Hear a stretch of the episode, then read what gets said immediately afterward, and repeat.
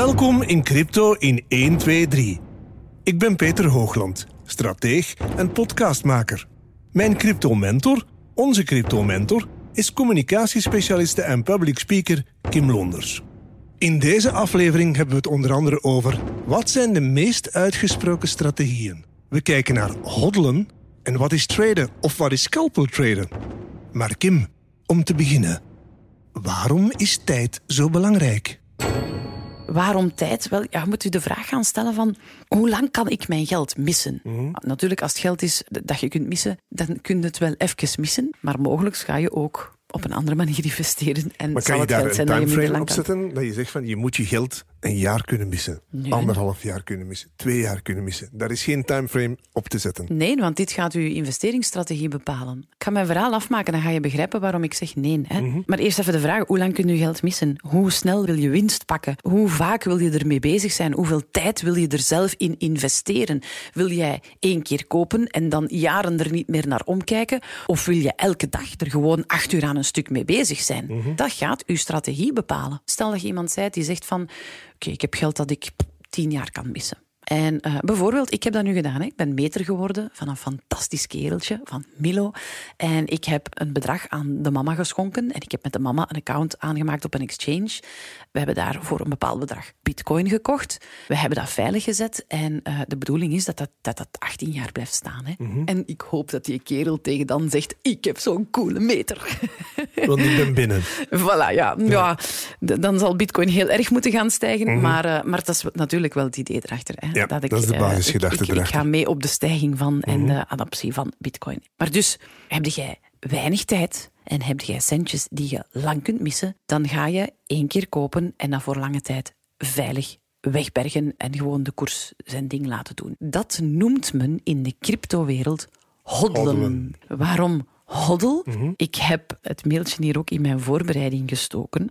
Op 18 december 2013, dus bij het prille begin van Bitcoin, schreef een jonge gast een mailtje om te zeggen van, er was net een crash geweest, ik hou mijn munten. Maar hij had ook net iets te veel whisky gedronken, waarschijnlijk van de emotie die het op dat moment had overgenomen. En in plaats van holden, schreef hij hoddelen. En ja, dan heb je natuurlijk een Bitcoin community, de geeks. Die eh, ja, de. Ja, die dan zeggen van, ah cool, alright, het, vanaf nu zeggen we gewoon, spreken we over hoddelen. Hoddelen. En dan heb je natuurlijk ook weer mensen die dan zeggen van, wacht, we gaan daar een keer iets op bedenken. En hoddelen is dus nu hold on for dear life. Ja, Mhm. Dus eigenlijk hou het voor de rest van je leven. Dat is waar hoddelen voor staat. Dus heb jij centen die je kan missen, kan je die lang missen. En heb je niet heel veel tijd of wil je er niet veel tijd in steken, dan ga je hoddelen. Dan ga je gewoon kopen en het Mhm. Ja. voor lange tijd laten staan. Dat kun je op verschillende manieren doen. Dus Mhm. alweer, hè, binnen hoddelen is een strategie, maar ook daarbinnen heb je dan weer twee strategieën. Je kan zeggen, ik koop gewoon voor één bedrag in één keer. Net zoals dat ik gedaan heb voor mijn metekind. Hè. Daar noemt men dan een lump sum. Dat is een eenmalig bedrag waar dat je dan voor koopt. En natuurlijk is het dan leuk dat je weet van eh, wat doen de koersen en waar zit ik in de cyclus van bitcoin. Mhm, Zit ik hier net in een bullrun of zit ik voorbij de bullrun en zitten we weer in een bearmarkt? Want dan wil je natuurlijk op het laagste punt inkopen. Zodanig dat je en dan moet meeste, je de meeste de, winst kan maken. greed, de Fear and Greed Index voor in de gaten houden. Onder andere, onder andere, dat is één tool, één Eén instrument. Ja, maar, maar er is nog veel meer waar dat je naar kijkt. Hè. Een tweede strategie is DCA. Ja, dat is Dollar Cost Averaging. En dat is eigenlijk gewoon zeggen van, kijk, ik koop ik zeg maar iets, hè, elke week voor een bepaald bedrag, maar elke week op hetzelfde moment. Of elke maand, of elke dag. Maar als je dan gaat kijken op de lange termijn en als je Ja. een gemiddelde gaat nemen van al die momenten waarop dat je hebt ingekocht, dan heb je eigenlijk een schoon gemiddelde van de laagtes en de hoogtes. Dus dan heb je eigenlijk op een mooie gemiddelde prijs ingekocht. Dus dat is, dat is wat dat men noemt DCA, Dollar Cost Averaging. Dat is ook hè, niet te veel over nadenken, gewoon elke week op hetzelfde, of elke maand of elke dag Na op het oude hetzelfde principe moment. van het spaarboekje. Hè. Je schrijft elke maand zoveel over. Ja, en de vraag die ik dan soms krijg als ik, eh, als ik eh, opleidingen geef, dat is dan van, ja Kim, kunnen we dat automatiseren? Hè? Want ik kan Ja. dat, bij mijn bank kan ik, Ik ook een automatische het opdracht.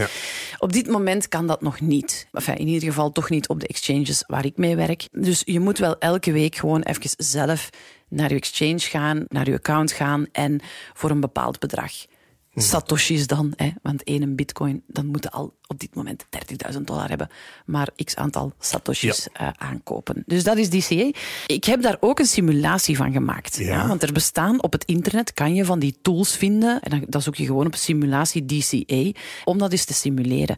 En met mijn 40 euro per week, per uiteraard. Week, ja. En ik heb gesimuleerd van 20 augustus 2017 tot 20 augustus 2021. Ja, vier jaar. Om, voilà, hè, om een volledige cyclus mee te nemen, dus om een halving en een bullrun mee te pakken. Ja. Stel dat ik 40 euro per week zou, uh, zou inleggen, zou Mhm. investeren, dan doe ik een totale investering over die hele periode van 8.360 euro. Ja. Mijn totale opbrengst in die periode van 2017 tot 2021 zou dan geweest zijn 48.038 euro. Dus mijn investering 8.360 euro, mijn totale opbrengst 48.038. Met andere woorden, een winstpercentage van 474,62 procent. Natuurlijk, 2017 tot 2021 was de koers nog iets volatieler. Dus met de jaren, hè, met hoe meer mensen erin stappen in bitcoin, zal de volatiliteit er wel wat uitgaan. Dus uw winstpercentage zal misschien op een, een volgende cyclus geen 474 procent meer zijn.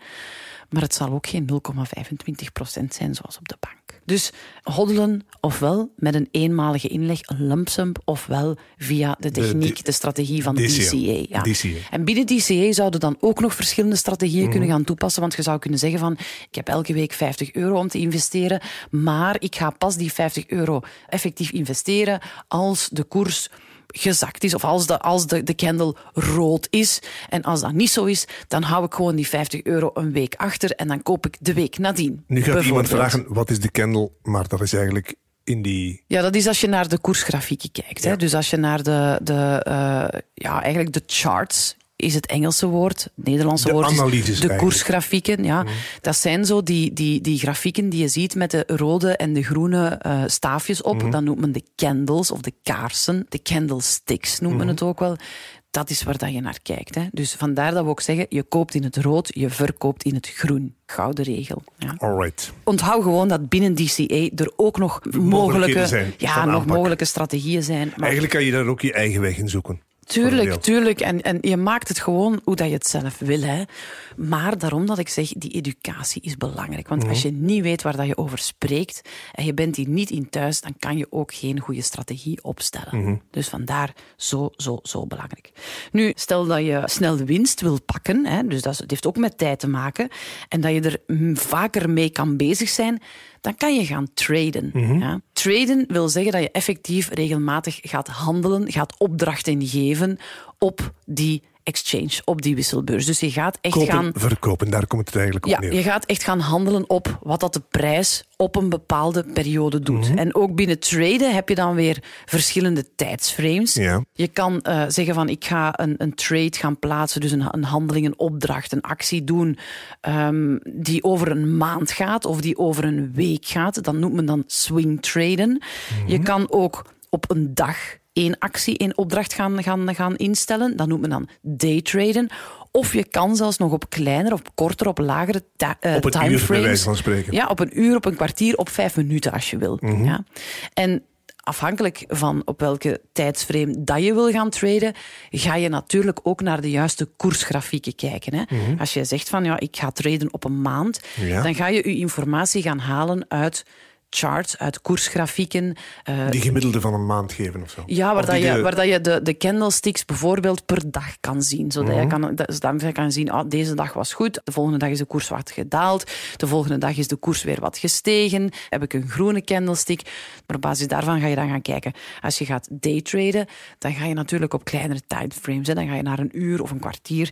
En zeker als je gaat scalpel traden, dus op nog kortere timeframes, dan ga je nog kleinere... En scalper eh, traden is dan dat uur, bij wijze van spreken. ja, een uur, Dat een kwartier, vijf Ja. minuten, dat is scalpel Dat hè. inspringen, uitspringen, bij wijze van Ja, spreken. Op ja. zeer korte termijn. Ja, ja, ja, maar dat is echt op basis van, en nu komt de nieuwe term, technische analyse.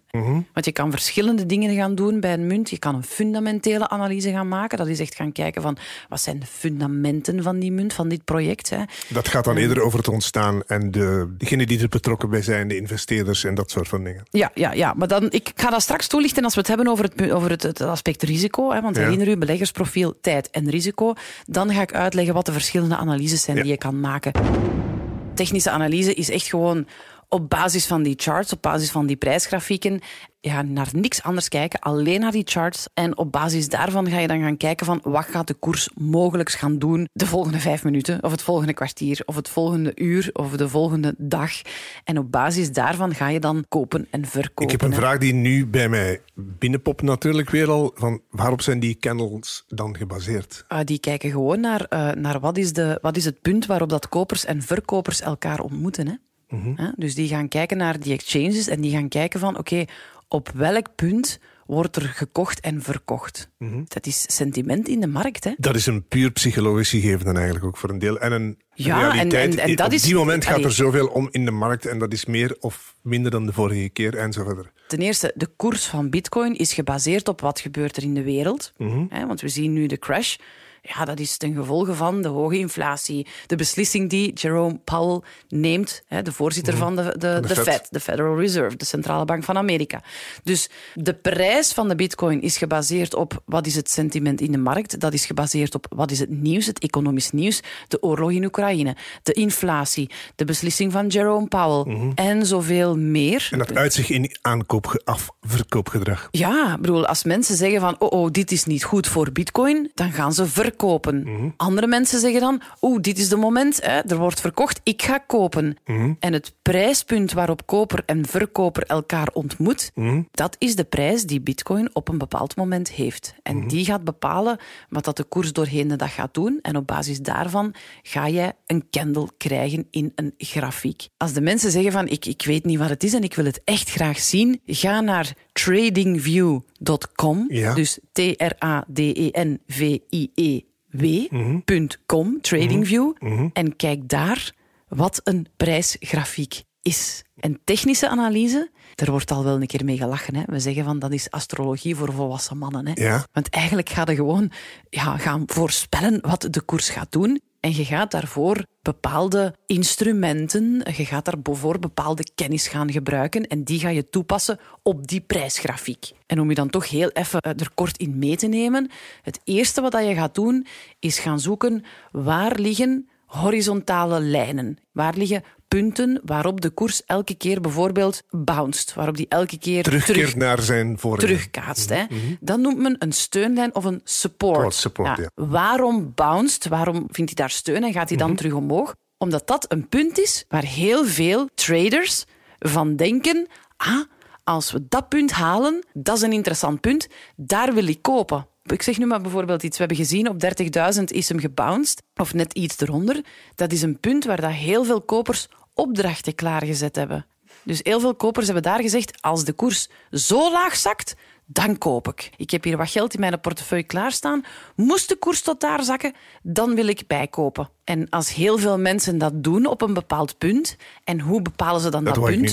Door te kijken in het verleden van wat zijn vorige punten geweest waar de koers op is, is ge- steun heeft Mhm. gevonden. Dus als de koers daarnaar terugzakt, dan zal de koers daar ook weer steun vinden. Dat is een stukje, een stukje van die technische analyse. Dus als heel veel kopers daar een opdracht klaarzetten, omdat ze zeggen, oh, als, we, als we zo laag zakken, dan koop Mhm. ik terug. Bam, dan ga je zien dat de koers terug omhoog gaat. Dus dat is de eerste lijn die je gaat trekken. Dus je gaat kijken welke punten zijn dat en kan ik daar een horizontale lijn van maken. Je doet dat ook met de hoogste punten. Dat noemt men de resistance. Tegen welke punten gaat de Die koers aanbotsen en zakken. Ja, en waar gaan mensen zeggen van, oh, als de koers zo hoog komt, dan verkoop ik, dan ga ik mijn winsten pakken. En als daar veel opdrachten klaarstaan, dus als veel mensen zeggen, als we dat punt terughalen, dan verkoop ik, dan ga ik mijn winst pakken, dan ga je zien dat er veel verkooporders worden ingevuld en dan gaat de koers weer wat zakken. Hè? Dat is het eerste wat je doet bij technische analyse, dat is die horizontale lijnen vinden. Dus kijken van, oké, op welke punten is de koers, heeft ze steun gevonden en op welke punten vindt ze weerstand? Waar botst ze tegenaan en gaat ze dan terug naar beneden? Een volgend punt is dat je dan schuine lijnen gaat trekken. Dus stijgende lijnen of dalende lijnen. Dat noemt men dan trendlijnen. Een volgende punt is dat je daarin gaat kijken van zijn hier nu patronen in te herkennen. Want iets wat typisch is uh, in technische analyse is dat op een bepaald moment een koers gaat tussen twee lijnen blijven spelen, maar die support en die resistance, of twee trendlijnen, komen dichter bij elkaar. Die komen dichter bij elkaar. Dus met andere woorden, die candlesticks die gaan kleiner en kleiner worden. En we weten dat als die candlesticks kleiner en kleiner worden, dus achterliggend, dat er elke keer minder kooporders en minder verkooporders worden ingevuld, want dat is wat mm -hmm. erachter zit, dat er een punt gaat komen dat er iets moet gebeuren met de koers. Dat die gaat uitbreken. Dus dat noemt men dan een flag, een vlag. Hè. En dan zie je echt zo een driehoek. Dan zie je de candles kleiner worden, dan zie je een driehoek.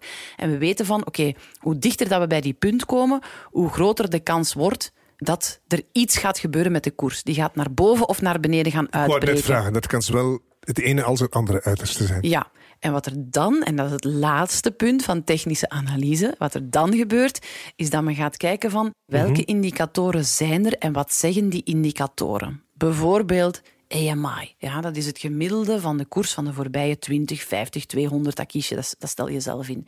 En zo zijn er een heel aantal indicatoren. Oh, er, zijn er, zo, er zijn er honderden. Hè. Er is RSI, er is Fibonacci, er is Ichimoku Cloud.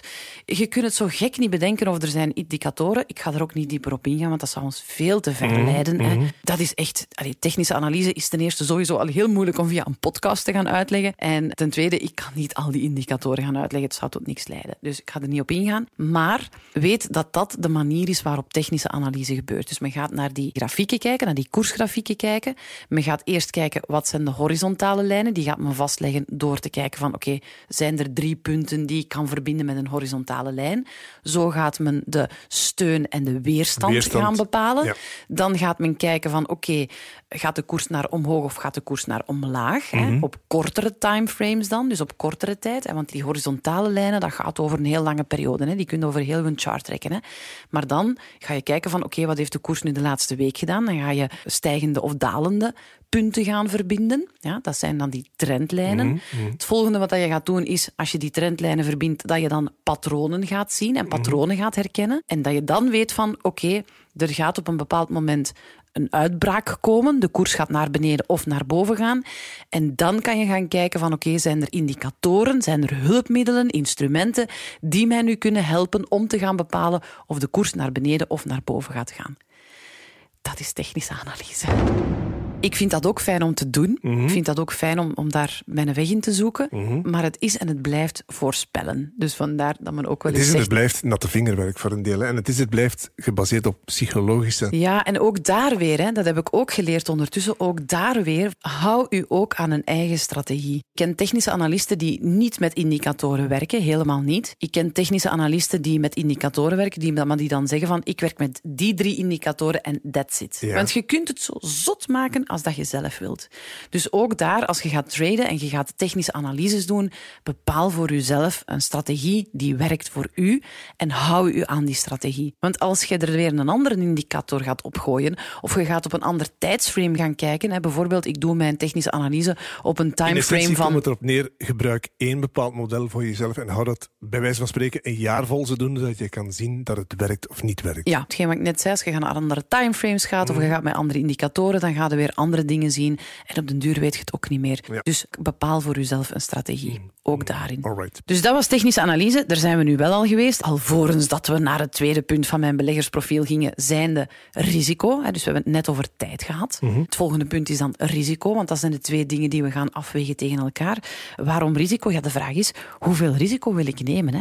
Hoe snel wil ik resultaat? Want we weten, hoe groter het risico, hoe groter de potentiële return. Zeg je van, ik wil liever niet te veel risico nemen en ik heb ook niet zoveel tijd. Mhm. Hou het dan bij bitcoin kopen, hè, investeer in bitcoin en hou die bitcoin voor een lange tijd. Dat weet bitcoin je van... is de minst risicovolle belegging ja, omdat binnen dat, de cryptowereld. Dat is, dat is de grootste munt, die heeft de grootste marktkapitalisatie. Met andere woorden, herinner u nog, marktkapitalisatie Mm -hmm. van al het geld dat er rondgaat in de cryptowereld, gaat op dit moment, ik heb gisteravond gekeken, 41,6 procent, of deze morgen zelfs, 41,6 procent gaat naar bitcoin. En daarmee is bitcoin nog altijd de grootste. De tweede grootste is Ethereum. Mhm. Uh, dus ongeveer de helft hè, aan marktkapitalisatie. Dus Bitcoin is de grote slok op. Dan volgt Ethereum. En er zijn nog grote projecten. Hè. Maar die twee, dat zijn de grootste. En daarmee dus ook de veiligste investeringen. En waarom dan de veiligste? Omdat daar het meeste geld in rondgaat. Weet je? Ook al crasht de beurs, ook al crasht de koers, het gaat even duren eer dat iedereen zijn geld eruit heeft. Dus die gaat nooit, nooit, nooit naar nul gaan. In Bitcoin zitten al landen, zitten al, al grote bedrijven, uh, zitten institutionele beleggers, zoals men dan zegt.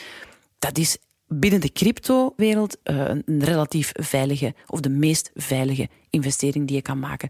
Dus als je niet veel tijd hebt en je wil niet veel risico nemen, hoddel dan Bitcoin. Of Ethereum, als je iets meer risico, Risico wil nemen. Heb je meer tijd, maar wil je het wel veilig houden, dan kan je gaan traden. Maar dan ga je traden op de grootste coins, op de grootste projecten. Op CoinMarketCap kan je elke dag zien van wat is de top 10 en de top 20 en de top 50 en de top 18.000 als je wilt en heel veel tijd hebt. Hè. Eh, Maar dus blijf dan binnen die top 10 en ga kijken wat zijn de grote projecten. Op dit moment is dat Bitcoin, Ethereum, maar er staat ook nog Cardano, ook nog Solana. Eh, dat zijn ook nog grote projecten die nog in de top 10 staan. Dus daar En dat zijn dan eigenlijk een beetje de veiligere... Ja, omdat die de grootste marktkapitalisatie hebben Ja. op dit moment. Nu, een Cardano en een Solana, dat verschilt nog gigantisch hard van Bitcoin. Hè. Ik ken de getallen nu niet uit mijn hoofd, maar Bitcoin is, ja, is, is een gigantisch bedrag. Ethereum is daar de helft van. Solana is een klein, klein, klein fractieke van wat dat Bitcoin is hè, in marktkapitalisatie. Cardano net hetzelfde. Met hetzelfde, ja. Maar ze staan wel in de top 10. Als jij zegt van ik wil iets meer risico nemen, ik heb weinig tijd, blijf dan in die top 10 en ga daarin aankopen en hoddelen. Wilde dan er meer tijd in steken, dan kun je in plaats van te gaan kopen en voor lange tijd te houden, kan je gaan traden. Kun je afhankelijk van de tijd swing traden, day traden of scalpel gaan traden. Dan steekt je er heel veel tijd in. Hè. Wilde meer risico, dan kun je gaan traden op de kleine, kleine, kleine projecten. En daar is natuurlijk de kans dat je daar meer winst op gaat maken ook groter. Maar ook de kans dat je Ja, meer voilà. verlies kan maken. Voilà, voilà, voilà, Want dan moet je heel snel bij de pinken zijn. Ja, voilà. Dus dat is risico En tijd. tijd ja, ten opzichte van return. Dat bepaalt uw beleggersprofiel. Dus de vragen die u moet stellen nog een keer is van hoe lang kan ik mijn geld missen? Hoeveel tijd wil ik insteken? Hoe snel wil ik winsten nemen? En hoeveel risico wil ik nemen? Wil ik een veilige investering of ga ik echt voor de verborgen parels en ga ik heel gewaagd gaan investeren met de kans dat ik ook gewoon mijn geld kwijt ben. Volledig kwijt ben. Ja. Maar ook dat kan een strategie zijn. Hè? Ik heb ooit iemand, de moeder van iemand die ongelooflijk goede technische analyses doet. En die moeder die kocht gewoon, ik denk, het was in dollars, want het was een Amerikaanse uiteraard. En ik denk dat die gewoon in al die kleine projecten één dollar stak. Ja, Maar ja, als één project maal duizend gaat en je hebt er Dan één dollar in gestoken, dan heb je duizend euro. Hè? En één dollar kwijtgeraken. Dat is Nee. jammer. Natuurlijk, als je dat in duizend projecten doet, ja, dan heb je duizend Is dat ook euro. duizend dollar? Ja. Maar op zich, als van die duizend projecten 100 scoren... Voilà. Dus dat kan een strategie zijn. Hè? Maar Mhm. dan moet je ook weten van waar koop ik. Want dat koopt je dan niet op een Binance of een Coinbase of een Bitfavo. Mhm. Dan moet je echt al naar de platformen zelf gaan van die protocollen. En dan moet je daar kennis over hebben natuurlijk. Hè? Dan moet je Dus, eh, echt hele fundamentele kennis hebben. Ja, en dan is het ook weer de tijd die je erin steekt. Hè? Dus dat is ook Mhm. Ja, want dat weer- vraagt veel opzoekwerk en naslagwerk. En Voilà, voilà. kijken wie, wat, waar, hoe enzovoort. Voilà. Dus dat is een job op zijn eigen. Ja, en dat is dan ook weer risico gaan inschatten. Hè? Want dan Aha. komt de vraag natuurlijk van hoe ga je nu risico gaan inschatten? Hoe ga je nu munten gaan, hè, of projecten, Ja, munten en tokens gaan beoordelen? Ja, dan ben ik daar met mijn analyses. Hè. Dan heb je fundamentele technische analyse, eh, fundamentele analyse en on-chain analyse. Dat is echt Mhm. gaan kijken van hoe zit het met dit project? En dan ga je naar een heel aantal specifieke punten kijken. Je kunt traden en je kunt scalpel traden, maar je kunt zelfs nog naar de next level. Als je risico wilt nemen. En dat noemt men leverage trading. Ja? Oh ja, ik heb het begrip al gehoord, maar dat is, daar zit wel wat gevaar aan verbonden, denk ik. Hè? Want Ja. dat komt in essentie neer op treden met centen die je niet hebt. Is Ja, dat zo? dat is inderdaad dat is traden met geleend geld. Dus daar ga je effectief een hefboomwerking gaan gebruiken. Dus dan ga je zeggen van oké, ik ga traden met geleend geld en Mhm. ik zet een factor maal 5 of maal 10 en stijgt de koers, dan heb ik ook effectief mijn, mijn, mijn winsten maal 5 of maal 10. Maar daalt de koers, dan heb je ook maal 5 maal 10. Dus dat mogen je echt alleen maar doen als je echt beslagen zijt in technische analyse. Ja, want dat is eigenlijk gigantisch veel risico nemen. Omdat je eigenlijk gigantisch veel verlies kan maken en altijd fout loopt. Ja, je kunt gigantisch Je veel winst maal maken. Vijf, ja. Bij wij of maal 10 of maal 15, afhankelijk van wat je... Ja. Oeh, jee. Dus dat is, is really the next level. Voor de beginners, begin daar niet mee. Niet doen. Tenzij Blijf daarvan 1 euro weg. maal 5. Ja, ja, je kunt daar een keer mee spelen, maar, maar alsjeblieft, alsjeblieft Nee, nee, laat nee. FOMO niet overnemen. Hè. Fear of missing out niet overnemen. En ga niet op leverage traden als je niet onderlegd bent in, in technische analyse. Doe Mhm. Dat niet. Ja, ja, dus blijf daarvan weg. Ja. Ja. Zij er wel onderlegd, dan kan dat mogelijk een hele toffe zijn. Hè. Ja. Maar vooral een hele spannende. Mhm. En je moet stalen zenuw hebben. Ja, ja. ja, dat is gewoon emotie uitschakelen. Hè. Tot zover deze aflevering over hoe verstandig de cryptowereld verkennen. In de volgende aflevering van Crypto in 1, 2, 3 vertellen we je alles over de fundamentele analyse. Graag tot dan. Deze podcastreeks Crypto in 1, 2, 3 is een productie van Buitenbenen, HLN, Peter Hoogland en Kim Londers. Vind je deze podcast goed? Deel hem dan via je sociale media en geef een review in je favoriete podcast-app.